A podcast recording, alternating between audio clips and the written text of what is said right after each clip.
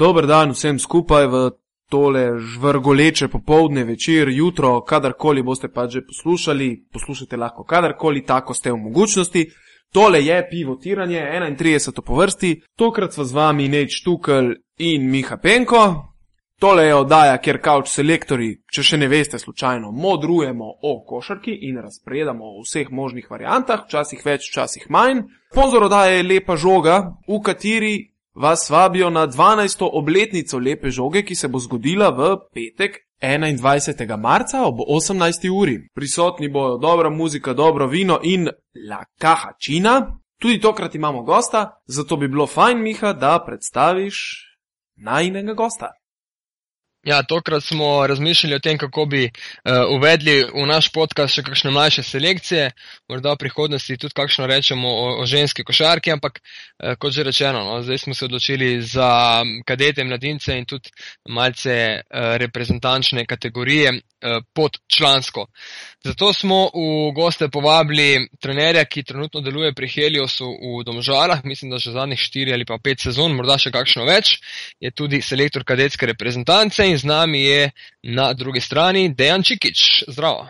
Zdravo, pozdravljeni. Živo, Dejan, na začetku sem omenil, da si v Heliosu pet sezon, to drži še kakšno več? E, drži, to je v bistvu moja peta sezona v Heliosu. Mislim, kako je sploh prišlo do tega, da si se ti odpravil v, v Domžale iz, iz primorskega konca? E, prej si namreč igral večinoma celotno kariero za, za Novogoričane celotno kariero za Novo Gorico, v bistvu od, od začetka do konca članske kategorije za Novo Gorico, eh, do vabila eh, iz Domžal je prišlo v bistvu proti koncu moje igralske kariere. Jaz sem se pa v bistvu že od mojega 20. leta usporedno z igranjem ukvarjal s trenerskim delom, usporedno upravljal izpite za trenerske licence, se ukvarjal z vodenjem mlajših selekcij v košarkarskem klubu Nova Gorica. Um, na to je prišlo to vabilo pri mojih 28 letih, ker sem v bistvu že razmišljal v, v zaključku igralske karijere. Šlo vabilo iz Domžal in uh, so Domžal v bistvu pri meni spodbudili eno tako uh, prijetno, prijetno emocijo, zato ker so nam domžale vsem znane po dobrem delu z mladimi. Um, domžale so v bistvu z vstopom uh, v ABA ligo, v takratno Goodyear ligo, uh, nekoliko dali na stranski tir mladinske pogone oziroma delo z mladimi, kajti vsa koncentracija se je nekako oprla v člansko ekipo in zato so si želeli malce osvežiti uh, mladinski pogon in prišlo je do tega vabila katerega sem se z veseljem uh, odzval in evo zdaj že peto sezono uh, sodelujem s Heliosom in vodimo eno zelo uspešno zgodbo. To pomeni, da so te oni na nek način pozitivno prepričali uh, in prisilili, presilili, snubili, da si tudi zapustil uh, aktivne grane košarke.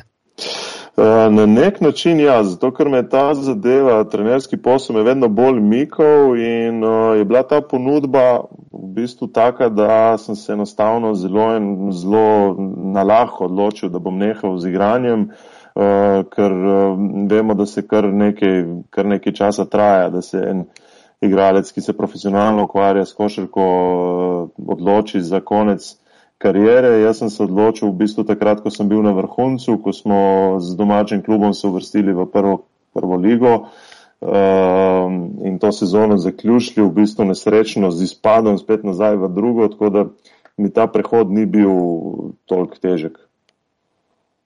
Te je presenetila ponudba oziroma klic iz, iz domžal, iz Helios domžal, si imaš prej kakšne stike z njimi, si načrtoval, da bi se kaj takega otegnilo zgoditi?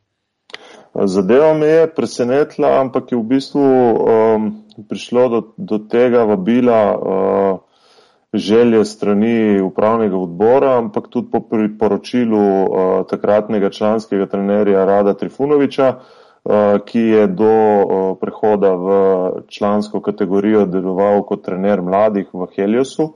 In uh, po njegovem razmišljanju sem jaz bil nekako najbližji njegovi filozofiji, njegovemu razmišljanju in sva dejansko tudi dolgo pred tem mojim prihodom v Domžale sodelovala že v raznih reprezentančnih akcijah in selekcioniranjih, tako da je bil on tisti pobudnik in potem naprej direktor kluba, ki je zadevo speljal do konca.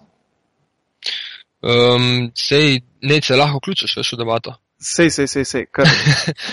Lik sem, sem hotel pri filozofiji, zdaj, ko si jo omenil. Uh, kakšna pa je potem tukaj tvoja trenerska filozofija? Uh, predvidevam tudi, da to je bolj povezano s cilji. Imaš verjetno kdaj ambicije tudi delovati v članski košarki kot trener?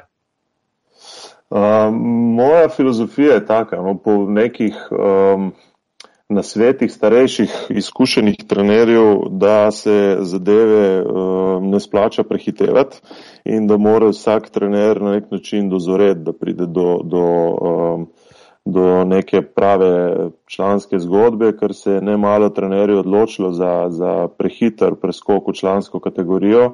Uh, in se potem enostavno uh, niso, niso na pravi način znajdli. Uh, Tle je seveda kot v vsem športu prisoten velik faktor sreče in ogromno enih mm. dejavnikov. Uh, sam sem pa pripričan, da se, tako kot sem z mojimi kolegi se pogovarjal, da ko enkrat prestopiš prag in greš med članske trenerje, si enostavno uh, ne boš več vrnil nazaj in uh, malo je takih, ki se potem uh, iščejo službo spet med mladimi. Uh, Jaz sem se osebno odločil, da bi, da bi rad dosegel maksimum, kar se da pač doseči kot trener mladih in uh, mislim, ne mudi se stagnirati kot trener mladincev kadetov v, v domžalah, ampak ob temu uh, upravljam tudi uh, neke mednarodne izpite, uh, delujem kot selektor v reprezentancah, tako da vedno iščem ob temu še neke dodatne, dodatne cilje in ambicije. Zdaj, prvi cilj, ko si prišel do žale, je bil, oziroma takrat si, si na nek način omenil, da boste skušali razširiti šolo košarke po, po bližnjih osnovnih šolah, eh, razširiti bazo košarkarjev v mlajših selekcijah. Vam je to dejansko tudi uspelo? So tu številke, ki govorijo v to, da vam je to uspelo? Uh, je, je. Uh, ko, smo, ko smo se pogovarjali, v bistvu to, to bil moj, moj nekako glavni način, glavni, glavna, glavna naloga in en tak način dela, ki smo ga gojili tudi v Novi Gorici, uh, kjer smo skupaj s kolegi uspeli v enem razmeroma majhnem kraju uh, popularizirati košarko na, na zelo zavidljivo raven, dvigant, dvigant tudi množičnost in mislim, da sem to filozofijo uh, na pravi način prenesel tudi v domžale. Skupaj z mojimi kolegi, pač fanti, ki delujejo v klubu, smo uspeli šolo košarke, ki je takrat ob mojem prihodu štela uh, 80 otrok, danes razširiti na številko 700, tako da je ta zadeva več kot uspešna. Uh, šli smo pa enostavno na tak način, da smo vse osnovne šole, ki spadajo nekako pod uh, domžalsko regijo, pa, pa nekako širše, uh, pod uh, košarkarski klub Helios Domžale, uh, razširiti košarko po osnovnih šolah, tako da se danes v vsaki osnovni šoli v Domžalah in okolici igra košarka, organizirane so vadbene skupine in so otroci animirani od prvega do devetega razreda, uh, sodelujejo v, v uh, šoli košarke Helios Domžale, kjer potekajo tudi tekmovanja, dnevi šole košarke in tako naprej. In mislim, da je uh, Eh, to je edini način, da uh, potem iz uh, take velike mase, iz takega velikega bazena kvalitetno selekcioniraš prve selekcije za košarkarski klub. Zdaj, evo, ko se govori o selekcioniranju in, in o mladih talentih, kdaj nekako se začne, da košarka iz neke igre postane malo bolj resno delo oziroma drill? Kdaj se začne piliti pravega košarkaša. In predvsem, da to verjetno ni prezgodaj. Ja.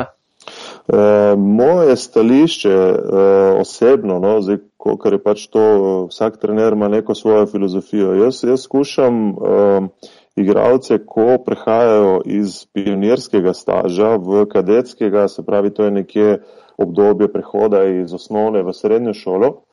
Uh, skušam igralce pripravljati na tak način, da uh, se počasi spoznavajo z uh, nekimi osnovami profesionalizma ki najprej pri otrocih vzbujajo neko pomislek, ne, če rečemo profesionalni, profesionalni športnik, najprej pomislijo otroci na, na neke zaslužke in na neke materialne vrednote, uh, jih dejansko provamo uh, usmerjati v to, kaj v bistvu vse je potrebno narediti, da postaneš vrhunski in profesionalni košarkar. Uh, istočasno jim pa damo vedeti, da morajo svoje šolske obveznosti, svoje privatno življenje in svoje zadeve nek, na nek način uh, uskladiti s športnimi obveznostmi in uh, s vsakim posameznikom enako, enako, uh, enako v bistvu ga na, na enak način usmerjamo. Uh, uh, ker bo v končni fazi od velike mase otrok mogoče le dva, trije v, v posameznem letniku uspeli priti do tega mm. vrhunskega športa. Uh, vsi tisti, ki jim ne bo uspelo, bojo pa imeli za sabo eno veliko življenjsko šolo, uh, ker ta nek uh, pripravljanje na profesionalno življenje, točnost, uh, kaj pomeni timski duh, kaj pomeni skrb za hrano, za zdravje, za, za odnose v ekipi, spoštovanje nekih določenih pravil in bo pač ostalo uh, za celo življenje in to je neka moja filozofija, da poskusim vsakega igralca v to smer nekako usmeriti, istočasno pa ne sme tu zapostaviti šolske obveznosti in pač vse, kar sodi zraven v primatnem življenju. No, zdaj, če uh, si vzameš čas, ne, da vse te zadeve razvijaš, uh, tudi šolo ne, na zadnje, ne, in da rezultat ni potem takem v, v prvem planu, potem bi rekel, da moraš imeti tudi zelo, zelo močno podporo v sami upravi kluba oziroma pri ljudeh, ki vodijo celotno zadevo.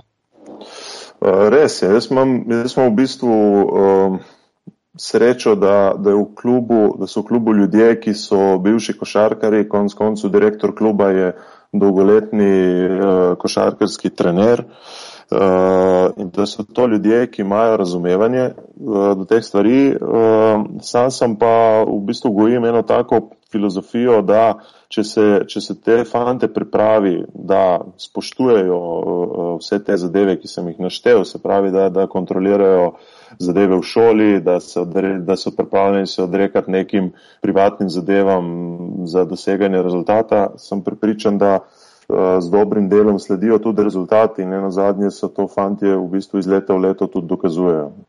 Tako da tukaj na tem nivoju verjetno že kar poteka ena selekcija, ne? kjer se vidi pripravljenost, koliko teh fantov je pripravljenih žrtvovati nek svoj uh, osebni čas tudi za dobrobit mogoče končnega uspeha. Ne? Je, je, definitivno. Uh, kar nekaj takih, ki niso zdržali, ne, ki ne pridejo, pač, ki jim je zadeva prenaporna. Um, ne govorimo o telesnem naporu, ampak o tem, koliko so pripravljeni se pač odreči nekim skušnjavam, ki jih ponuja mm -hmm. tinejdžersko življenje. Um, in je, tle poteka selekcija in uh, jaz mislim, da so ti fanti, ki dajo to skozi, toliko bolj močni karakteri, da jim bo to koristilo za celo življenje. Uh, je pa ogromno osipa in tle smo tudi postavili zelo jasna pravila, sploh kar se tiče srednješolcev, glede uspeha v šoli, kjer jih na nek način mi, uh, trenerji, nadziramo in uh, jim damo tudi uh, določene, določene sankcije ali pa določene kazni za, za neuspešne rezultate v šoli. Kako to recimo poteka? Ker jaz sem uh, vse do faksa sem treniral judo. Ne? In mhm. sem, se, in sem tudi imel nekako to, da sem moral paziti na uh, uh, ravnotežje med, med uspehi v šoli, ampak uh, Jaz sem imel to nekako pri sebi bolj osebno.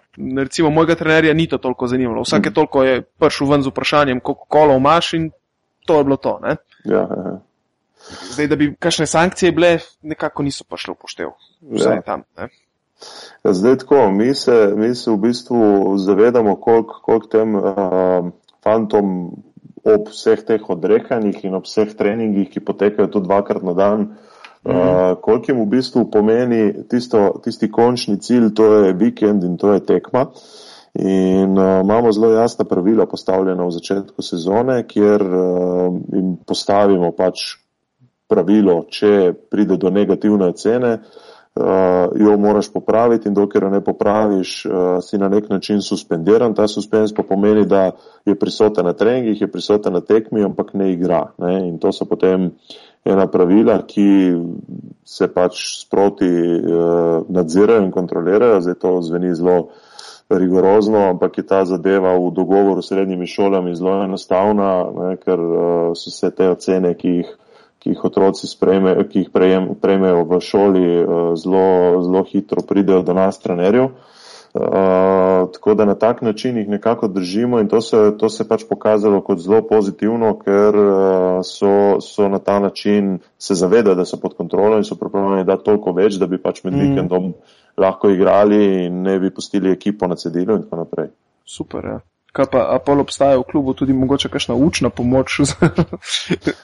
ne, nažalost ne. Uh, je pa tudi tako. No, ti, ti, fanti so, ti fanti v bistvu, ki pridejo do tega ranga, se pravi, to je kadetska in mladinska uh, ekipa, uh, ki se redno udeležuje finalnih turnirjev in je res neka taka uh, izluščena selekcija. Uh, uh, gre, gre tle za fante, ki, so, ki se res vejo in koliko jim to pomeni in so pripravljeni pač pritisniti na gas in v šoli izrihtati stvari, ker jaz sem sam zagovornik tega, da če si znajo pravilno razporediti čas med dnevom, uh, bo šola enostavno pač šla. Ne, ne bojo imeli težav, ker največkrat se zgodi, da tisti, ki imajo preveč časa, najmanj naredijo, kar se tiče šolskih obveznosti. In, je gre, gre tle enostavno za razporejanje časa. Mhm. Kako imate pa kaj s pogoji za delo tam urejeno, imate dovolj uh, ur na voljo telovadnico, ker v bistvu se mi zdi, da možale in to okolje je na nek način košarkarsko okolje, košarka je doma, uh, mogoče, mogoče celo prevladuje ali pa je vsaj egal z nogometom. Ne? Uh, kar se pogojev tiče, se jaz le lahko v tem trenutku samo zahvalim vsem, ki to omogočajo. To so pač uh, mest, mesto domžale in vsi sponzori, ki stojijo zadnji, zato ker uh, lahko mirno rečemo, da imamo, če ne najboljše, med najboljšimi pogoji uh, v Sloveniji za delo. Uh, Uh, imamo svojo dvorano, ki nam je na razpolago 24 ur. Uh, se pravi, to je že to ena posebnost za Slovenijo, da, da ni drugih klubov not in da ni, da ni neke šole, ki bi, ki bi imela pravico oziroma pač šolske ure na razpolago. Uh, po drugi strani je to hala komunalnega centra, ki ponuja tudi uh, dvorano s fitnessom, ki, kjer ima naš klubski fizioterapeut svojo ordinacijo in uh, so res pogoji vrhunski, ne, od klime do, do garderob, do vseh pogojev, ki spadajo zraven. Tako da kar se, kar se zadeva programa dela, je v tej dvorani res na, na vrhunskem nivoju. Uh, v mladinskem, v mladinskem pogonu se pravi spodi od, od U14 vzdolj, U12, U10 pa včasih eh, sposodimo tudi kakšno šolsko dvorano v Domžalah in okolici, ker je enostavno postalo selekciji klubskih toliko, da, da nam je tudi ta lasna dvorana včasih pretesna. Zdaj, če te prav razumem, vi uvajate v kadete mladince tudi že delo s trenerjem za fizično pripravo in fizioterapeutom. Ja, ja, eh, fizioterapeut je v osnovi fizioterapeut članske ekipe, ampak je eh, na razpolago tudi za mlajše selekcije. Um, kar se tiče pa kondi, kondicijskega dela, imamo kondicijskega trenerja, ki skrbi za mladinski pogon. Um, Jure Štrbucel, letos smo začeli sodelovati z njim. Uh, on ima ob sebi še enega lanskega našega mladinca, ki je zaključil z aktivnim igranjem, se upisal na fakulteto za šport in se tudi uvaja na ta način, Tako da imamo dejansko aktivna dva kondicijska trenerja za vse selekcije, od uh, prve selekcije, se pravi U9, U10 do mladincev. Uh, normalno pa razvijajo kondicijske, kondicijske stvari, ki so primerne za, za posamezno starostno obdobje.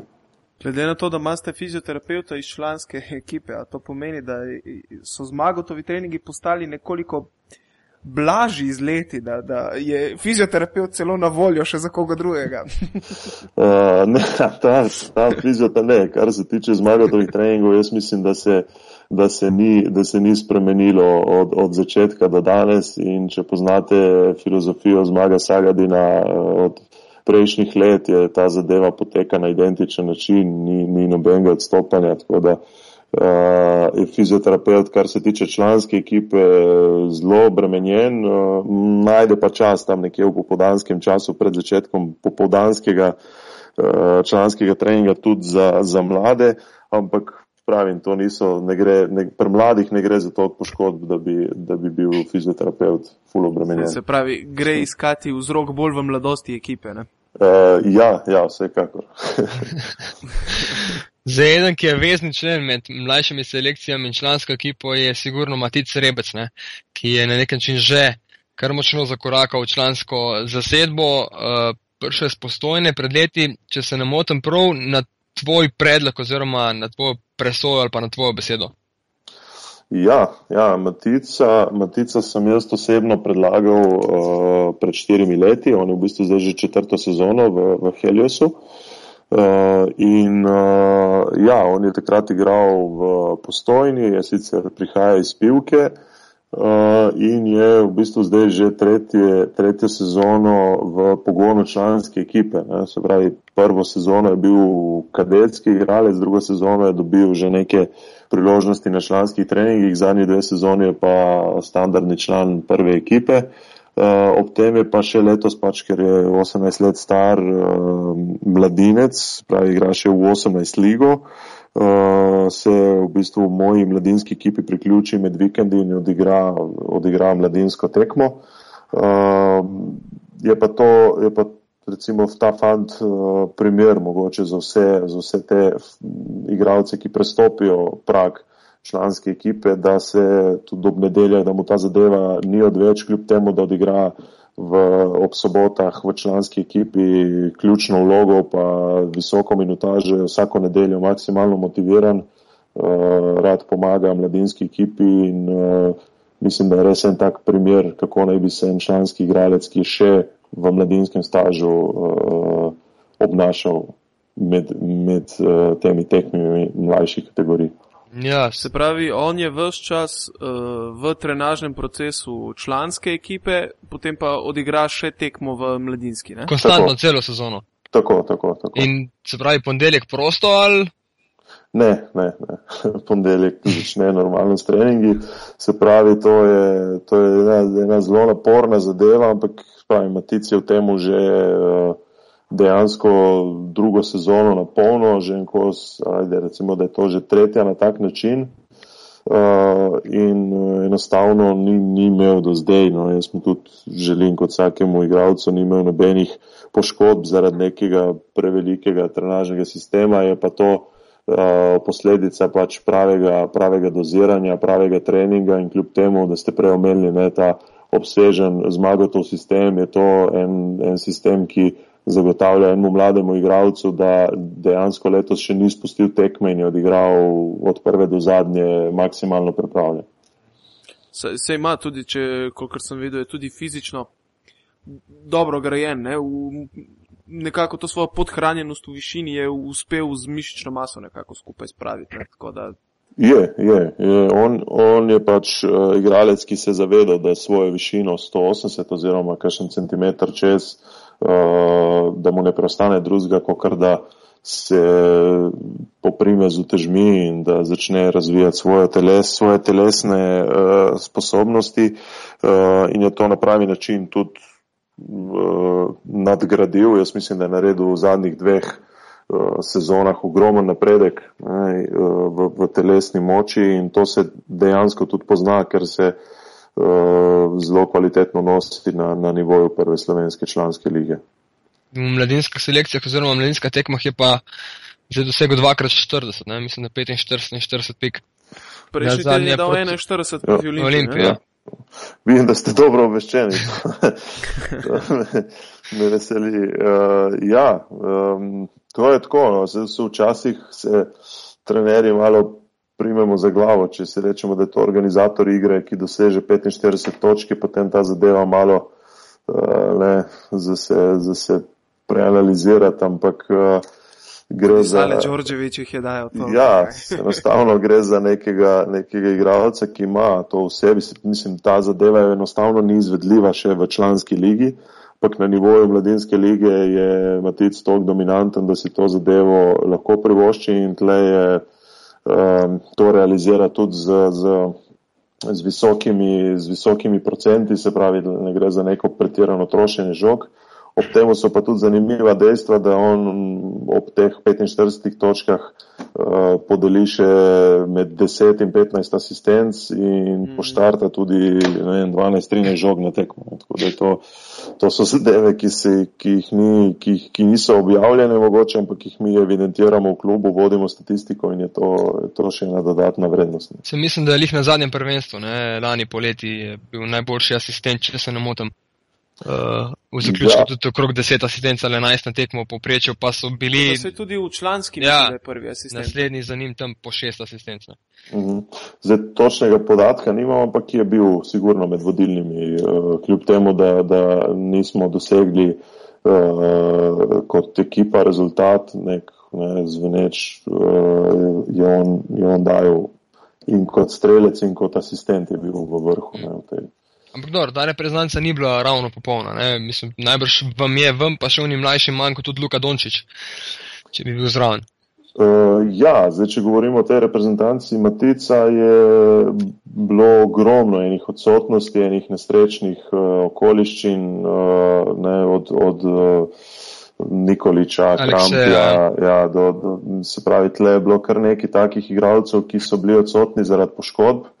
In uh, mislim, da bi ta ekipa, če bi bila kompletno dosegla, lahko zelo lep rezultat, ampak enostavno je, nimamo, nimamo v Sloveniji tako široke baze, da, da ne bi občutili. Ne, zamenjaš z drugim. Tako, ja. Ja.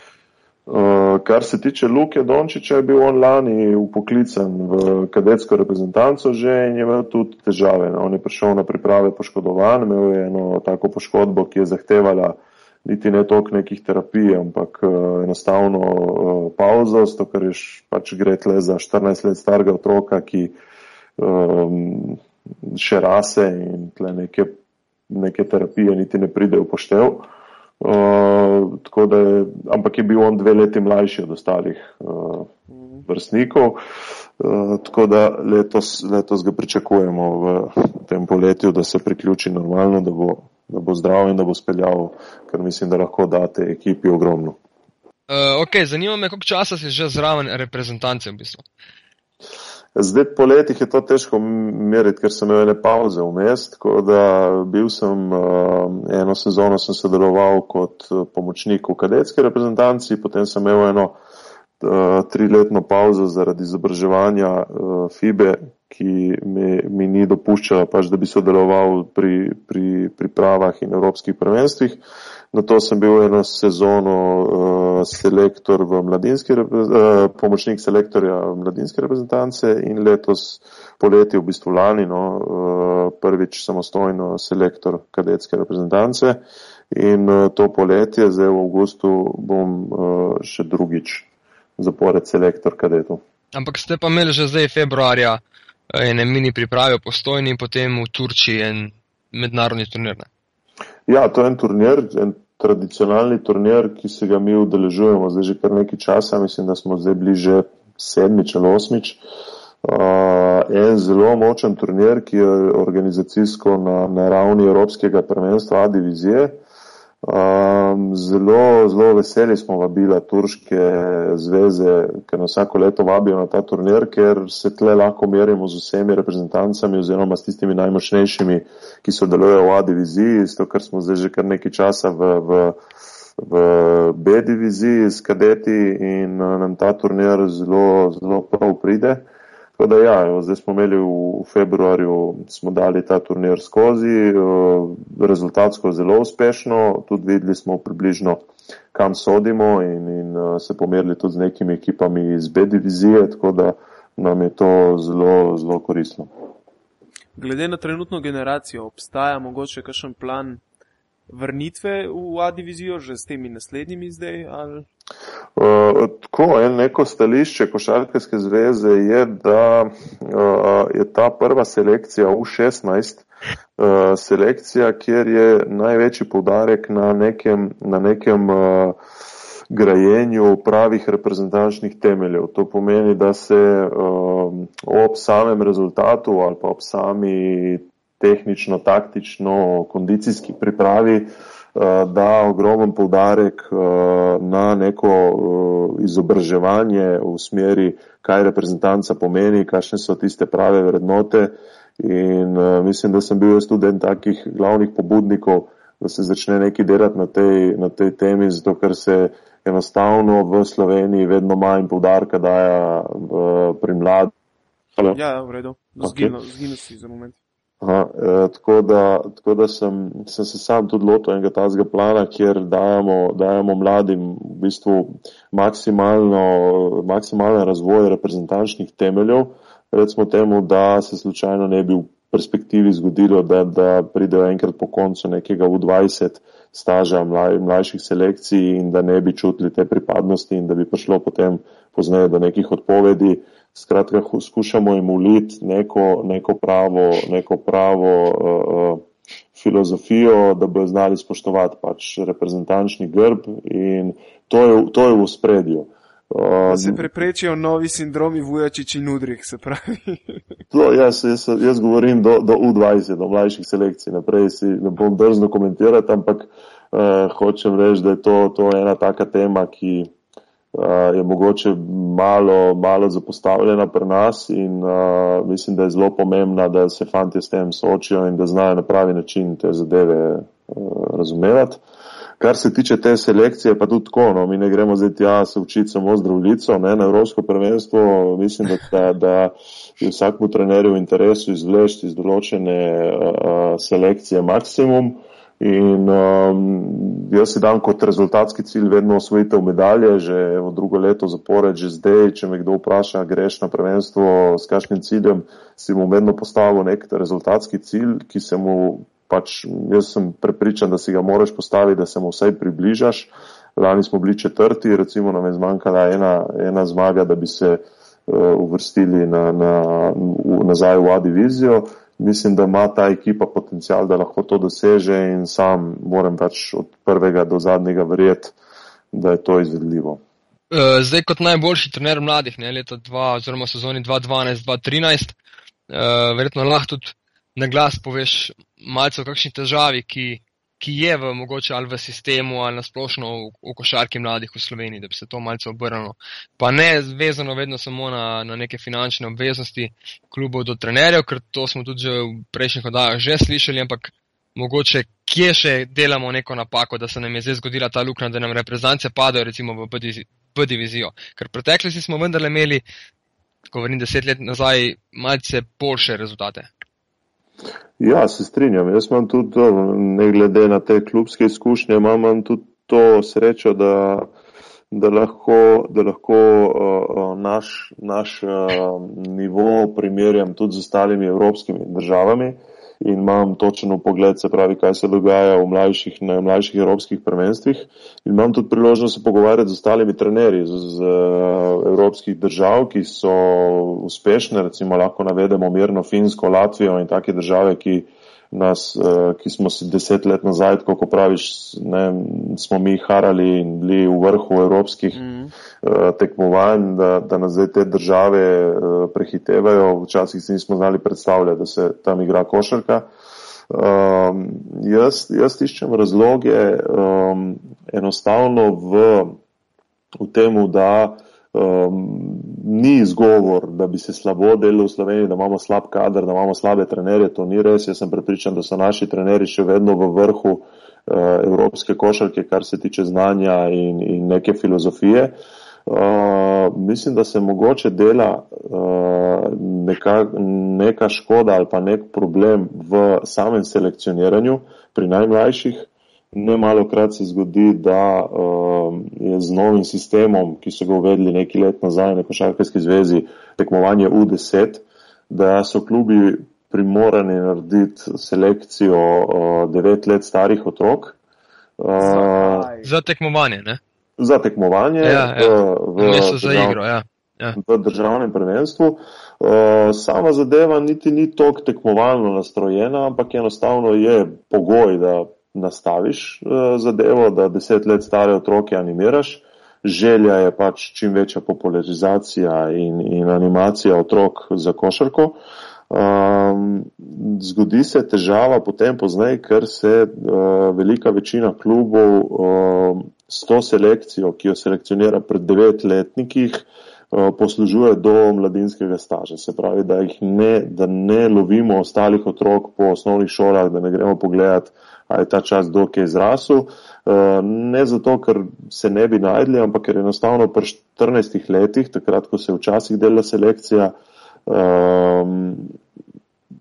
če najdemo enega 14 let starega košarkarja, visokega, nerodnega, ki nikoli ni igral košarko, Eh, ga je enostavno težko priključiti k enim uh, skupini otrok, ki se že pet let ukvarja aktivno s treniranjem košarke. Ja, se pravi, menega Kerema Genluma, ne, ki so ga ja. pri 18 letih uh, videli na koncertu v drugi vrsti in bil mal previsok, je mal štrlev ven, ga mi ne bi znali uvesti v to, da bi čez dve leti igral za, za Feder, ja, sej... za Ilker in potem za Efes. Ne.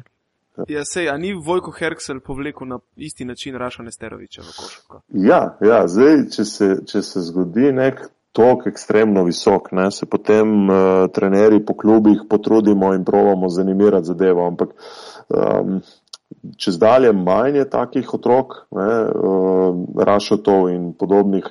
Um, dogaja se pa to, da mi tiste, tiste fante, ki dejansko uh, trenutno krojijo in, in delajo, delajo nek naš, um, nek, neko slovenski, slovenski model, košarkarjev, ne? govorimo o Dragičih, Muričih, Blažičih in takih fantih, ki so atleti, ki niso uh, uh, ekstremno visoki. Jaz mislim, da je takih fantov kar nekaj po Sloveniji. Zdaj, če se če začnemo jamrati, ja, ni več onih od 210, jaz mislim, da se lahko s, s košarkari, ki so blizu 2 metra, igra zelo uh, atraktivna in uspešna, in, ja, ja, ki, jo danes, ki jo danes v bistvu gledamo tudi v Euroligi. Konec koncev je vedno manj tistih okornih centrov. Um, ne, in mislim, da je to selekcioniranje uh, naredilo mogoče malo, malo uh, škode in o tem se ogromno pogovarjamo na Košarkarski zvezi, da bi spodbudili klube, da, da čim več pozornosti posvetijo ravno tej, selek, temu selekcioniranju. Kaj pa to, ki se povdarja, recimo, da ni več takega povdarka na tehniki, da se vse preveč dela na, na taktiki, da se otroce, otroke prehitro nauči pick and roll, in tako naprej. Mislim, jaz težko verjamem, da en otrok, ki trenira košarko in je star 14 let, da v svojem prostem času ne pimpa žoge na igrišču. To, to skoraj ne morem verjeti. Mm. To se nažalost dogaja, zato ker je sam šolski sistem in, in sami uh, urniki staršev so tako nastrojeni, da so pač otroci uh, imajo kontakt s košarko samo tisto uro pa pol, dvakrat, trikrat na teden, koliko se upiše v krožek. In se vse, vse, vse manj uh, odpravljajo na igrišča. Um, zato, ker je pač pouk traja več. Vem, jaz se spomnim, ko sem jaz obiskoval osnovno šolo, sem po osnovni šoli imel od 12 do 4-5, ko je bil trening ogromno časa. Ne. Zdaj so otroci od dveh, treh vračajo iz osnovne šole, ne, tako da mislim, da, da je že tle manj časa, da bi, da bi šli na igrišče. Uh, tako da se ta zadeva zmanjšuje in v bistvu so vsi tisti pravi košarkari, vsi tisti, ki imajo nekaj več o sebi uh, nastali na, na zunanjih igriščih, noben od njih se ni ustvaril v dvorani. To je definitivno. Mm. Uh, ta trend uh, taktičnega dela, jaz, jaz ugotavljam, recimo, zdaj bom vzel zelo svež primer iz uh, turnirja v Turčiji, kadetskega turnirja, kjer uh, nas je reprezentanca Latvije nadigrala in individualno, in taktično, in vseh, in uh, kondicijsko, se pravi, v vseh možnih segmentih. Uh, tako da jaz mislim, da, da, da zamujamo, zamujamo mogoče v res v iskanju pravega materijala in pravih uh, košarkarjev, ki bojo sposobni se naučiti vseh teh zadev, ki jih ki jih, se pravi, trenerji po Sloveniji znajo delati, ampak mogoče ne, ne, delamo, ne delamo s pravimi, s pravimi igravci. Kako zgleda, recimo, ko se vem, naša kadetska selekcija sreča z selekcijo Srbije ali pa Črne Gore ali pa Hrvaške? Uh, kolikor vem, Srbi recimo so odmiraj nekako bistveno bolj zauzeto že delali, ne? tam zelo hitro začne iti zadeva na življenje in smrt. Ne? Res je, ja. jaz imam kar neki kontaktov in neki uh, informacij, kako zadeve potekajo. Na zadnje sem bil fasciniran nad, nad sistemom Crvene zvezde, recimo Beograjski, ki, ki uh, ima trenutno kadetsko ekipo uh, najbolj dominantno v Evropi, nedvomno, uh, sestavljeno iz, iz svojih igralcev. Uh, trenažni sistem je podoben našemu, gre pa enostavno za selekcijo in gre za, za razliko v karakterju. Ti, ti otroci mm. so pripravljeni vložiti več, oni so pripravljeni tudi po 3-4 ure na dan dodatno na igrišče, tako da jih noben ne vidi, ne? samo zato, da bi prehiteli svojega vrstnika, svojega igralca. Večja konkurenca. Ne, v konkurenca je ogromna in uh, dejansko so tudi uh, v genetiki ogromne, ogromne razlike. Ne? Če gremo mm. malo, malo na jug, na Hrvaško, so, so fanti bistveno višji že in uh, drugače grajeni, da o Črni gori spoh ne govorim, ki je en svoj vrsten fenomen. Ne, ja, najvišja nacija, ja, ja. se mi zdi. Ne? Tako, lani, lani sem se srečal z reprezentanco Srbije na, turnir, na kadetskem turnirju v Turčiji, kjer je bil najnižji igralec 196, visok playmaker Stefan Peno, ki danes igra v Barceloni. Uh, najvišji pa 212, se pravi, najnižji je bil 196, medtem ko je imela naša reprezentanca 201 cm visokega centra, naslednji je bil 199, najnižji pa 175, tako da smo bili, smo bili nekih 15 do 20 cm poprečju nižji od te selekcije ne? in to je, to je na, zadeva, na katero težko vplivamo selektori. Tega se spomnim na prijateljski tekmi pred vem, 15 leti. Portorož Partizan. v Portorožu kadeti so igrali med sabo in za takratno selekcijo Partizana je igral Milovan Rakovič, ki je lani še igral v Bilbao, se mi zdi. Ja. In takrat je igral na štirki z 205 cm. Portorož je imel pa centra, ki je imel, mislim, da 196 cm. In, in prva četrtina se je končala 41 za Partizan, s tem, da so te fanti iz Partizana prišli direkt iz avtobusa na tekmo. ja. ne, raz, razlike so neverjetne. Pred, preden zaključimo, bi še imel dve zadeve. In sicer prva je uh, B reprezentanca, ki jo bo vodil Rado Trifunovič, nekje za letnik 91 in mlajše košarkarje. Kaj misliš, da nam bo to prineslo? Jaz mislim, da to, to prinaša neko širino za, za nadaljne selekcije, ker vemo, da v, v A reprezentanci je kar nekaj takih nepogrešljivih, ki jih iz leta v leto uh, ne, čakamo in upamo, da bojo še eno sezono odigrali. Ne, in to so fanti, ki so krepko čez 30 let stari. Enostavno bo napočil čas, ko bo treba zadevo po, pomladiti in uh, da ne bo ta luknja prevelika, se mi zdi ta projekt izjemen. Tako da uh, bojo tle dobili fanti in izkušnjo in konec koncu bo selektora uh, A reprezentance imel neko pogled, kaj lahko v bodoče pričakuje oziroma uh, kaj lahko, kaj, kaj lahko razvije in na nek način lažje spremljati te igralce. Ker reprezentance je dosta enostavno, to, to, kar je, je. V klubu ti še vedno lahko koga prepelješ iz neke druge države, iz druge lige, v reprezentanci pa v bistvu si nimaš kaj velik izbor, ja. oziroma imaš izbor, ti, ti je črno na belen dan. Ne? Ja, ja.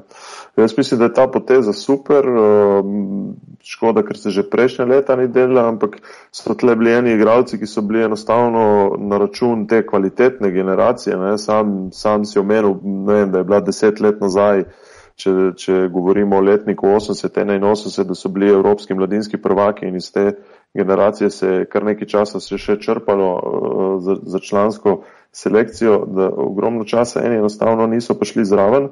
Uh, tako da se nam je letos na Eurobasketu pojavil 2-33 let star igralec, ki je debitiral v reprezentanci, ne vmes ni imel to vrstnih izkušenj, tako da se mi zdi ta zadeva zelo, zelo pozitivna. Uh, za konec me še zanima, recimo, zdaj nekako iz uh, mladinske selekcije Heliosa je izplaval že ven Matic Rebec.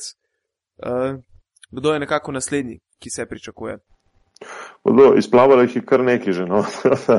so... ja, mislim, bom rekel, na tej, med zvezdami že praktično slovenske košarke mladimi, ki ga že nekako potihem ljudje računajo skoraj da že v člansko. Ki ga pozna tudi že Evropa, ja. Mhm. Tako.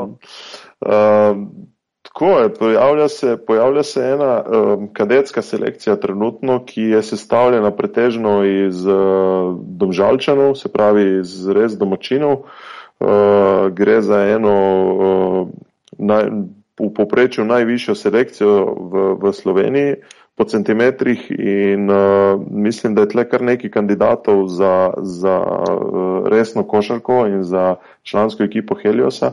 Tako da sem prepričan, da bo nekdo od teh fantov, zdaj o imenih ne bom govoril, ker so to tako mladi fanti, da jih čaka ogromno dela, ampak lahko to celo ekipo izpostavim. Spravi, ta ekipa je sestavljena iz lanskih treh kadetskih, pa letošnjih petih kadetskih reprezentantov, eh, ki imajo pred sabo sigurno kvalitetno pot, ampak morajo kar še nekaj pokazati, da, da pridejo do, do nivoja, vsaj take, kot ga kaže Matic. Se pravi, sami lokalni matadori. Lokalni matadori, nekateri so iz uh, doselekcioniranja, imamo enega fanta iz vrhnike, enega fanta iz kranja, ostali so iz bazena okoli domžal. Um, so pa veseli nas pa to dejstvo, enostavno, če se uspe pripraviti enega domžalčana, da se en dan uvrsti v člansko ekipo in da dejansko dobi tudi vlogo, uspeh, je ja. to ogromen uspeh za eno, eno mesto, ki nima, ki nima velikega števila uh, prebivalcev. In vsak domačin uh, v, v, v članski ekipi pač dodatno popolni tribuno in, in uh, zadevo naredi to bolj zanimivo. Kar se tiče uh, U18, ti si trener v U18 v Domžalah, ne, uh, dve tekmi še imate do konca. Če se ne motim, Uh, ja. tega drugega dela, uh, Tako. ste nekje na robu, ne, uvrstitve v zgornji del. Ja, zdaj ta ekipa je, ta, ta ekipa v 18 letošnja je, kar se, kar se tiče nekih rezultatskih ambicij, štartala zelo, eh, zelo, zelo počasi in brez nekih pritiskov. Imamo kar nekaj visokih fantov, ki vemo vsi, da potrebujejo čas za razvoj in nimajo, nimam, vsaj jaz osebno nisem zganjal nobenega pritiska rezultatskega, tako da smo se uh, za, las uvrstili med najboljših osem že v prvem delu. Uh, začeli z dvema porazoma in zdaj zmagali štiri tekme zaporedoma, kar nas, kar nas uvršča med, v boj za, za Final Four. Uh, tako da imamo še dve tekmi do konca in zdaj trenutno je situacija taka, da če premagamo še Portorož in Koper v zadnjih dveh tekmah, se lahko vrstimo med štiri najboljše v Sloveniji. Ja, in oboji so trenutno za vami na lestvici. Ne. Uh, s Koprom smo izenačeni, Portorož je za nami. Ja. Tako. Povej še to, no, koliko časa še ostaješ v, kot voditelj mladinskega pogona v Domžalah, oziroma do kdaj te veže pogodba, do kdaj nameravaš ostati na tem mestu. Uh, dogovor dogovor je, je sklenjen za naslednje tri sezone, se pravi to plus še tri. Um, je pa to ena taka služba, ki je pač vedno uh, ne, nepredvidljiva. Ne? Sad te ima, sad te nema. tako nekako, sicer v mladinskih selekcijah to ni tako grozno kot v članskih, ne? Niti, niti približno ne. Um, željo imam to zadevo speljati do konca eh, zaradi pogojev, ki jih ponujajo domžale in zaradi teh mladih fantov, ki sem jih prej omenil, ki se pojavljajo, tako da mi je res cilj ta, ta program speljati do konca. Uh, nimam, nimam, pa nobenih, nimam pa nobenih pretiranih hitrih želja po, po uveljavljanju članski, članskih trenerskih vodah, tako da mi ta zadeva zaenkrat uh, enostavno ustreza in upam, da bomo to zgodbo peljali do konca naprej. Ja, super, no, uh, Nec, imaš ti kakšno vprašanje? Ne, jaz sem zaključil. Si zaključil, jaz v bistvu tudi, tako da, Dejan, hvala lepa, da si se odzval. Hvala Eh, vam. Ja, Na hvala. vabilo, ki ni bilo ravno dan, dva ali tri prej, ne, ampak bomo rekel kar Ampak na vrat na na nos. vrat na nos. Ja. Ni problem. Ja, hvala Ja. vam za vabilo, za debato. Upam, da tudi še dobiš še dve tekmi, pa se vrstiš na Final Four in veliko sreče tako in drugačne v, Hvala lepa. v košarki. hvala. Tako, z nami je bil Dejan Čikič, ki je na kratko razložil dinamiko in problematiko eh, dela z mm, mlajšimi kategorijami v Sloveniji. Eh, Miha, kaj, pregledava na brzino še rezultate? Ja, lahko pregledamo malce, kar se tiče uh, dogajanja v, v Euroligi najprej, potem še Aba Liga, pa še kakšna zadeva takole za sproti, ne? Tako, tako. Če greva na Euroligo, odigrano je bilo deseto kolo, ne? Ja, deseto kolo, prva informacija, prvi highlights gre sigurno na tekmo, ki se sicer zadnja igrala, Barcelona Olympiakos. Barca je sicer tekmo brez večjih težav dobila za 12 točk, ampak pozor predvsem na Juana Carlosa Navara, ki je igral 200, ne, ja, 253 tekmo v Euroligi. Kar pomeni, Mhm. da je postal košarkar z največ odigranimi tekmami v tem tekmovanju, neko priznanje je prejel strani Pa Lukasa. Teja pa pa Lukasa, ki je bil prejšnji rekorder in tako ima navaro zdaj rekord po odigranih tekmah, po doseženih po oziroma zadetih trojkah, po, za, po doseženih točkah in po indeksnih točkah oziroma valorizaciji. Pa najbrž še kje kakšen rekord. Mislim, da celo več kot 700 zadetih prostih metov. No? E, torej, rekord za rekordom za Navara, ki je sicer na tej tekmi dosegel 7 točk, e, ob tem, da jih je Brad Olson v drugem polčasu e, od svojih 15 13. Mhm. Uh, Lorbek z zelo dobrih 13 točk, uh, s trojkami 2-3 in Barca je na nek način tako brez večjih težav premagal Olimpijakos in ostala neporažena kot edina v drugem delu tekmovanja, si že zagotovila tudi jasno četrt finale. Finale, ja. Ja. Uh, Partizan z večnimi težavami v Moskvi seveda ni imel nobenih možnosti. Za Burek, tako. Ja, tudi Kar je v igral- bistvu bilo tudi pričakovano. brez Tenesa Kinzija, mislim, so že na tak način nakazali, da, da pač Se nimajo realnih možnosti. Baligo, ne? Ja, in da pač nimajo realnih možnosti. Tisto, kar ne bi bilo posebej všeč našemu tretjemu članu pivotiranja, je poraz Reala v Minhnu. Tako da zbale, jaz sem ti rekel, da Real bo padel v formi, mi nisi verjel. Drugi poraz v drugem delu Eurolige za Real, ki niti ni več prvi. Oba naj je obtoževal varianta, kaj vidva Ja. streljata, ne? Mhm. Sergio Rodriguez sicer še naprej uh, obvlada sceno z 18 točkami, ampak Malcolm Delaney 20, 6 asistenc, indeks 24 uh, za MVP-ja, kar sicer ni bilo največ, ne, ne vem, če si opazil v Euroligi. Uh, Kaj ti največ je Tibor Plajs zbral indeks Mhm. 43, Tako. ampak je njegova laboral kuča bila tokrat poražena strani Milana. Doma. Pregažena strani Milana, Točno. ki se je neusmiljeno dvignil. Ne? Ja, ja. Tako da, jaz sem še po prvih štirih kolih eh, top 16, eh, sem skozi ponavljal prav ko eno mantro, ne, Milano bo padel, to, to, to ne more obstati dolgo, ampak glej, vsa zadeva se je neverjetno poklopila, ne. Oni so fizično dominantni na zunanjih pozicijah in enostavno se mi je zadeva poklopila s prihodom Daniela Haketa, so razširili klop. Jaz sem mislil, da bo lih to razbilo. Ja. zadevo, ne. V bistvu smo, nas je večinoma najbrž tako, tako razmišljali v tej smeri, no? ker tam so tri, štiri košarkeri, ki rabi vsak svojo žogo. Ampak zgleda, da jih je Haket uspel povezati, Jarels vstopa s klopi in igra fenomenalno. Mislim, da je zdaj bil tudi najboljši strelc Milana na tej tekmi.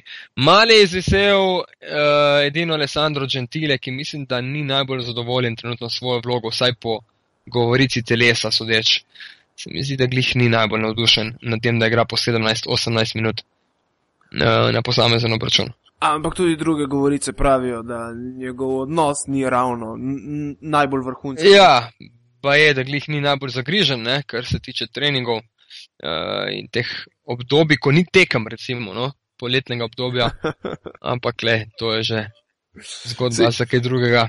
To je že enkrat Marko Milič rekel, ko so ga vprašali, kaj je največja laž, ki so jo novinari zapisali o tebi. In je rekel, največja laž je bila to, da so zapisali, da sem se enkrat čez poletje zredil za 7 kil. To ni res, ker sem se Sem tudi zadeval. vse, ja, no, evo. Se mi je zdelo, da bo kaj takega. Ja. Um, še ena zadeva, ne, FS Panathinaikos, Grki so tekmo dobili za pet točk po podaljšku. Mhm. Uh, Turki so imeli tekmo narejeni, potem je Jonas Mačuri zadev trojko v zaključku tekme, ki sili podaljšek. In Grki so ostali brez svojega trenerja iz bezumljenega pogleda. Ne? Uh, že prej, Že prej, ja, ja, kolo ja, že tem. prej. Že to tekmo je v bistvu vodil njihov legendarni nekoč kapetan, ki je petkrat dvignil uh, naslov Eurolige, ja. ja, dolgolasi Fragiskos Alvertis. Ki bo sicer vodil tudi tekme v domačem prvenstvu, ampak ker še nima licence, so najeli, mislim, da trenerja Kolososa. Kolosa, Kolososa, ja, ja tako. Kolososa, tako da spet neke grške, grške zgodbice ne, v, tem, v tej zadevi. No, Barca, kot že rečeno, prva v skupini je, Milano, mislim, da tudi že v četrt finalu, sedem zmag, trije porazi. Uh, mislim, da Milančani tudi nimajo posebej zahtevnega razporeda do, do konca uh, tega drugega dela Eurolige. Pol pa huda borba, pa na tjene kos, Unikaha, Fenerbahče, pet zmag, Olimpijakos pa štiri. Trenutno ja. Kar močno oddaljen v bistvu od Tako, visi. nastopa. Ja, močno visi, ne? tudi štirje zaporedni porazi v Euroligi, glih niso najboljši obet Meni ni, ni ravno jasno, zakaj so v Panatinajkosu v bistvu odpustili uh, Pedulakisa, ker je imel proti Olimpijakosu je praktično imel. Ja, on je, lej, on je vzel. Olimpijakos je bil njihova mušterja. Če že, bi prej pričakoval, da bo Olimpijakos odpustil Prstokasa, ne? Ja. Ker je Pedolaki so vzel pokalni naslov, ker je premagal medsebojnem dvoboju po finalu Olimpijakos, v domačem prvenstvu je premagal Olimpijakos in v Euroligi je premagal uh, rdeče bele. Ne? In jaz mislim, da je lih to zdaj šansa v bistvu za Olimpijakos, da uspe premagati uh, Panathinaikos. ja. In da se jim bo na koncu morda celo ta menjava trenerja v, po mojem mnenju, zelo netaktičnem, netaktnem trenutku slabo zapisala. In uh, lahko pa na Tinajkos in Olimpijako zamenjata vloge, ker v bistvu ena tekma jo še čaka. Ne? Jaz kar malce strahom, pa ne sicer dobesedno pričakujem zadnje kolo Eurolige. Drugega dela, ker je to bo mesarsko klanje. To bo derbi, grški derbi in ne morem si predstavljati, da bo direktno ta tekma odločila in zelo verjetno tudi bo ja. odločila o tem, kdo se bo vrstil v, v četrt finale. Vprašanje, zna se o... zgodi, da bomo prvič v zgodovini doživeli ta precedens, da bo tekma Eurolige prekinjena in bojo tribune izpraznjene in se bo morda nadaljevala celo kakšen drugi dan, če začne malo fantazirati. No? Ja, to je skoraj fiksne. če gremo malce dlje. Mogoče bo pa že do takrat vse skupaj odločeno, no? pa bodo rdeči že izven izven kakršnih koli variant. Upajmo, da ne. Kaj je točno s Panulisom? Jaz nisem uspel zaslediti, ampak zdaj že nekam dolgo manjka. Ja, on je bil, načeloma so rekli, da bo eno tekmo odsoten zaradi rahlih poškodb, zdaj pa ga kar vsako tekmo ni zraven. Ja. Uh, prav posebne informacije pa tudi jaz moram reči, ta moment nimam, no, kar se njega tiče. Ampak dejstvo je, da če se ne bo kaj kmalo vrnil in če biki ne bodo začeli zmagovati, bo hitro zmanjkalo časa. Mm. V skupini F pa CSK, uh, eh, prvi devet zmag in en poraz, in prav v prihodnem kolu bomo videli spet derbi CSK in Reala. Reala ja. Za prvo mesto, prvo tekmo je CSK doma dobil, zadal prvi poraz Realu v letošnji sezoni. Nekako noben je pričakoval, da bo drugi poraz doživel od, od Bayern Münchna. Absolutno, ja. Uh, potem pa še Makabi in trenutno Bayern na četrtem mestu s zmago prednosti pred Lokomotivom in Galata Sarajem. Partizan Žalgiris praktično tudi že izven, ne, tle, finala. Ja. Tu, tu ni nobene dileme. Ja, kar se tega tiče, no. V sami Euroligi.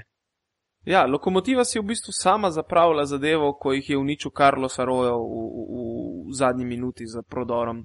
Tako da so za eno točko zgubili z Galata Sarajem, v bistvu enako razliko, s katero so zmagali v Istanbulu. E, res je, ampak če gremo pogledati same tekme e, ruskih košarkarjev, ki so zdaj na zelo uh, delikatnem ozemlju, ne? Krasnodar je v bližini glavnega ozemlja, ki je jabolko spora Rusije in Ukrajine. Namreč, ampak ne bomo šli zdaj preveč v politiko. V glavnem, uh, če pogledamo samo tekme lokomotiva, hitro prijemo do, do zaključka, da je lokomotiv kar nekaj tekem dobil za manj kot pet točk v zadnji sekundi, v zadnjem napadu. Eh, mislim, da jih je sam Kruno Simon tri odnesel. Ne? Tako, to, da je v zadnjem napadu Kruno Simon bil tako pokrit, da je delal slalom po raketi, žogo je imel v rokah. Slalom ja. po raketi je delal gor dol in na koncu uspel oddati žogo odkritemu igralcu, mislim, da Kalnjetisu. Ki je pa potem iz zelo lepe pozicije zgrešil, tako da imeli so v bistvu, naštimo mu je meze spet. Ja, spet ne. ja. Tako da ta lokomotiv mislim, da so na koncu vse skupaj izenačene. Te ja, srečne ja. zmage in tudi manj nesrečni porazi mogoče. Ampak še naprej ostajajo v igri. Imajo Žalgiris, imajo Partizan pred sabo, imajo Bayern in teže, teže nasprotnik kot je Real. Se pravi, s tremi zmagami je tudi lokomotiv spet zelo blizu četrt finala mm -hmm. v tej skupini. Mogoče bo pa tukaj odločilo zadnja tekma proti Bayernu Mihnu. Uh, ja, zna biti zanimivo. Ja sigurno. V bistvu. To je v bistvu to, kar se tiče same Eurolige. Eh, če dodamo še malo evropskega priokusa, ne? v petek je eh, bila obletnica 62 točk, ki jih je dosegel Dražen Petrovič. Eh, zdaj sem pa točno pozabil, na kateri tekmi vidiš super. jaz, no, viš, ti si pozabil na kiri tekmi, jaz pa sploh nisem vedel, da je bilo, ne, tako da. Ej, ja, Zato par- sem, pametno sem utihnil, ko si začel, ne. Ja, pardon, glej, ušlo mi je. Verjetno pa se bo spomnil, da je bila obletnica Olimpije, eh, 20. obletnica zmage To pa ja, to No. pa ja. ja, z legendarnim Hautmanom trojkami Horvata. Mogoče se je tudi Olimpija tega spomnila, legendarne trojke so bile Horvata, Hauptmaja in Nosova, ne. Res, res, eno trojko je zadev Nosov. No, je pa na YouTubu uh, celotna tekma proti Taugresu. Ja. Ja. Okay, Uh, to moramo pripopati malo. ja, jaz sem si jo že zadnjič mal prevrtel. No. Je pa mogoče v duhu te obletnice uh, Olimpija v zadnjih dveh kolih Ne, počakaj še s tem, še eno zadevo ima se tekme. Okay, da, je, čakam. da je bil playmaker Taugresa uh, poraženec v Mihnu proti Svetislavu Pešiču, Pablo Laso, trener Reala namreč. A to pa nisem vedel. Evo. Zdaj pa lahko veš. No, no, no, zdaj smo že v bistvu nadaljevanje tega, je, da je Olimpija dvignila svojo formo, nekako strna vrste. Zelo nepričakovano je padel Partizan. Uh, in uh, Zelo nepričakovano, tu je poudarek na zelo. na, poudarek na zelo. Ampak ja. po tem Partizanu je pada še mega vizura. Ja. Tako. In to mega vizura, ki je tudi za čas zelo dvignila formo, odkar je igrala v finalu srpskega pokala, kjer so te fantje nekako ja. dobili krila. Ne? Pa se ni bila lahka tekma za Olimpijo, se v bistvu je bila egal tekma skozi celotno, celoten obračun. V bistvu je Tako, tudi mega vizura po sami valorizaciji statistični bila boljša od Olimpije. Ja, ampak Olimpija je zadela kvoto svojih trojk, ki jih nekako zmeraj potem drži v igri. Ne? Zdaj, procentualno je bila ta kvota uh, slabša, ampak po številu Slaba, ja. trojk je, je pa to tisto, kar drži Olimpijo v igri. Olimpija mora zadeti svojih nekih 7 plus trojk, da, da ostane v igri za zmago. Ne? Ja, se mislim, da je ekipa, ki tudi zelo, zelo pogosto ali pa celo največkrat meče za, za tri točke. Ne? 32, 32 metrov na gostovanju tudi ni tako malo. Ni, ni. Ampak, uh, mislim, ok, igra je bila pač tukaj tudi hitrejša in po drugi strani mislim, da bo Olimpija kar nadaljevala s tem trendom tudi v slovenski ligi. Ne? Ja, malce bode v oči sama statistika Jakova Vladoviča. Ne? V 30 minutah še ni taka težava, če imaš nič točk, ampak z 0,9 metrom uh, se pa kar hitro lahko doglasi. Ne? Sicer je zbral, hvala Bogu, sedem asistenc uh, in se to na koncu na samem rezultatu niti ni toliko poznalo. Ne? Je pa Sasso Salin odigral spet dobro tekmo. Ja, 23 Sasu Salinu točkami. ležijo take odprte, hitre tekme, kjer ni te, bi rekel, močne drvarske obrambe na njemu. Ne? Ja, Ampak zanimivo, da on potem kar pade v neko luknjo in ga, ne vem, 5-6 minut ni nikjer. Tako, niti ne ja. meče, niti ne poskuša, sploh pozabiš, da je, da je v bistvu v, v nekem ritmu. Ne? Zamisli se, po mojem, malo. ne vem, bi ga bilo treba vprašati. No. To so, po mojem, kakšno obdobje te skandinavske flegmatičnosti, ko pač Je. malo odstavaš. Ne, ono. Mogoče, gled. No, veš kako, tam gor imajo šest mesecev teme, tako da če se kdaj zgodi kakšno pomračenje uma in traja samo šest minut, je to še v redu. Ne? Ja, ja, ja. Je pa tekmo dobila tudi Krka, ne, ki je povozila. Radnički. Ja, zelo. Kako si mi prejšnjič povedal, Džile je poslal muto počike, ne? Ja, nekaj takega. Ja. Uh, tudi goste so se izkazali z 38 šuti za 3 točke, zadetimi Ja. ja. petimi, valjda, ne? 13 odstotkov, ker je nemogoče, da na gostovanju dobiš tekmo. Se bi se bilo že do polčasa vse skupaj dost odločeno uh, Ja. v novem mestu. Naš kolega z Bale je opravil intervju s trenerjem Radničkega, ne? Aj že zunaj. Mislim, da je, oziroma bo v teh dneh, uh, glede na to, da ga danes ni, ker je rekel, da dela, oziroma montira ta intervju, naj bi ga dan zaključil. Aha. Upam, da ga bo res in da ga lahko jutro že vidimo. Uh, bilo je ogromno zgodbic, pravi strani Mute Nikoliča, Od Mute Nikoliča so zmeraj zgodbice. ja, in da bo zelo zanimivo, pikantno, zabavno branje. Ker ga bo, ba je tudi pretipkal, toliko ga je navdušeno. A tako. Ja, Stenograf z bale, vrhunsko. Ja, Krka je sicer tekmo dobila 83-57, da še to povemo. Uh, je pa mislim, da tretjič v letošnji sezoni se je zgodilo, da sta oba slovenska predstavnika v enem vikendu zmagala. In s tem smo zdaj trenutno, ker ravno kar Igokeja uh, zgublja za 15 točk kot uh, Cibone, že v prednosti za tisto dodatno mesto Slovenija proti Bosni in Hercegovini. Ja. ne? Isto mesto, In- ki ne vemo, če Ki ne vemo, če bo sploh na koncu si ga Slovenija lahko privoščila. ne. Fajn bi bilo, da omeniva še eh, naslednje kolo, ki se bo dogajalo. V naslednjem kolu nas čaka slovenski derbi. točno obračun Olimpije in Krke v nedeljo ob 17. uri v Stožicah. za katerega imamo nagradno igro, Bojda. Ja, je, spet imamo uh, najmanj dve, bomo rekli najmanj dve, v skladu z dogovorom, seveda z Olimpijo Deluxe oziroma vi postopnici, uh, s, katerimi, s katerima boste sedeli v prvi vrsti, ne? v, v bližini kolege, sodniške kolege Zorana Predina, ki ga ni več. Ja, Mislim, da zdaj počasi lahko že predina nehamo omenjati. Misliš? Pizda, po mojem, samo že kolca. no. Ja, gled, ampak ko smo to napisali na Facebooku, so bili takoj komentarji, ne? če, če je odstopil stopnica in tako naprej. Ne? Tako da ja, to bo še ena izmed zanimivih tekem in eh, če ne drugo, lahko že vnaprej pripišemo eno zmago slovenskemu klubu. V, In, v eh, prihodnem vikendu z ničlo ne bomo ostali. Krka v bistvu tudi s to tekmo nekako še lovi vstopnico za Evropo, ne? Brez wildcarda, katero je pa Olimpija verjetno že zgubila, ne? Ja, mene res zelo, zelo zanima uh, odziv oziroma reakcija košarkarjev Olimpije. Potem, ko so izgubili pokalno lovoriko prav proti Krki in ko so zdaj pokazali dve zelo dobre tekme, predvsem proti Partizanu, ne sicer idealno uh, in ra ravno sansko tekmo, ampak zelo solidno tekmo, predvsem na nekem uh, energijskem nivoju. Hmm. Kakšna bo reakcija zdaj proti Krki, ki bo sigurno spet zelo napaljena, mislim, da že tradicionalno novomeščani pridejo zelo nabriti na tekme Ja. proti Olimpiji.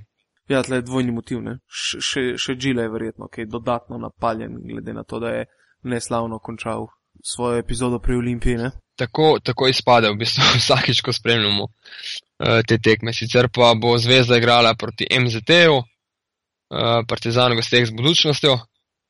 Partizan se v bistvu četrtega mesta bolj kot ne skuša izogniti, ne?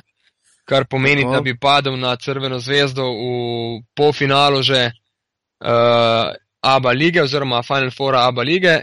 To je jasno, da si ne želijo. Ja, in je tudi Vojošeč v bistvu že razlagal o tem, da sodniki pripravljajo neko zarotniško skupino proti Partizanu in da je to bilo vidno že na tekmi v, v Stožicah proti. Dobro, jaz te Vujoševiče izjave odkrito povedano jemljem z Ja, ogromno mero rezerve, ne? ja, ja. Ker pač on zelo rad preusmerja pozornost. Ja. In pa še ena zadeva, ne, uh, prve tekme četrtfinala Evropskega pokala, kjer bo Crvena zvezda igrala proti Budivelniku na gostovanju najprej v Litvi Litvi, in ne v Ukrajini. Ja, in, in dejansko je to gostovanje Budivelnika v Litvi še boljša zadeva za, za Budivelnik, ker imajo bistveno več ljudi na svojih tekmah, kot so jih imeli prej, ne? ja, Ja, res, na, na prvi tekmi so imeli koliko? 5500 ljudi, ko so igrali uh, ja. zdaj proti uh, komu? No, ja. Tem francozom, kaj so že? Nanter, Nanter.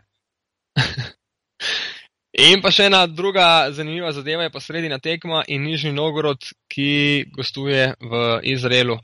Hapo Jeruzalem je nasprotnik, ki smo ga tudi spoznali v skupini Union Olimpije, ampak ena dogodivščina, če lahko rečemo. A, a so že prispeli zdaj po, po, po. Ne vem točno, kje so ta moment, ker so zasilno pristali, namreč Tako. košarkarji Nižnega Novgoroda. Uh, Primož Brezec je vse skupaj fotografiral in objavil na Twitterju. In mediji so to hitro povzeli in Logično. objavili vest iz enega tvita. Vest, da je letalo zasilno pristalo, ker se je jata ptic, oziroma štirje ptiči so se zaleteli v avion. Uh, pa je pilot rekel, da so imeli zelo veliko srečo, da so se uspeli postaviti v ravnoteže in prijadrati nazaj na zemljo, Cije. brez posledic. Breza pravi, da je ponovno rojen, da To zdaj pomeni e- eno stvar, ali bo odigral fantastično tekmo, ali bo pa noge čisto mehke, oboje je možno. Enkrat so že eh, potovali v Bilbao 28 ur iz Rusije, tako da očitno Ja, takrat vem, da so zgubili z, z ogromno Ja, razliko v Bilbao. preko 20-25 točk. ja. Ja, to obdelalo Ja. vse, ne?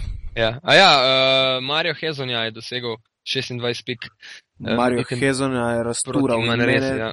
Tako me jezi dejstvo, da, da ga ne posodijo morda v njihovo B ekipo ali pa v kakšno koli drugo prvo ligaško ekipo v NDS ligi.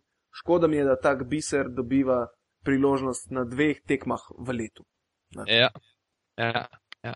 Ker že tiste dve minuti, ko je odigral proti Partizanu, je bilo fantastično. Spomnim se, kako je obrnil muslja, ok, mislim, musli bi ga pač pokrival, to je tudi olajševalna okoliščina, ampak vseeno.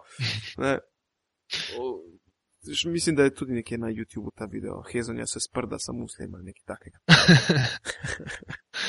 Uh, verjetno si tudi opazil, ne, da je košarkar budučnosti Akendele uh, kupil avtomobil, mislim, da svojemu fizioterapeutu.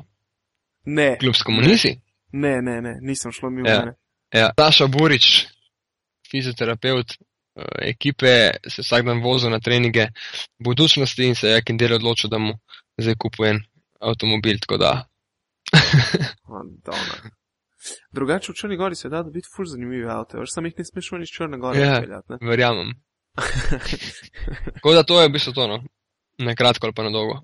Na dolgo, na dolgo, da ne ja.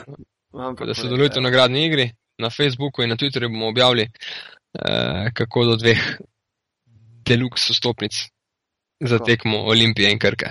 In se boste lahko iz prve vrste drli ali na enega ali na drugega trenerja ali na igralce, karkoli vam bo pasalo. Morda lahko celo prevzamete trenersko taktirko kateremu izmed trenerjev po vaši izbiri.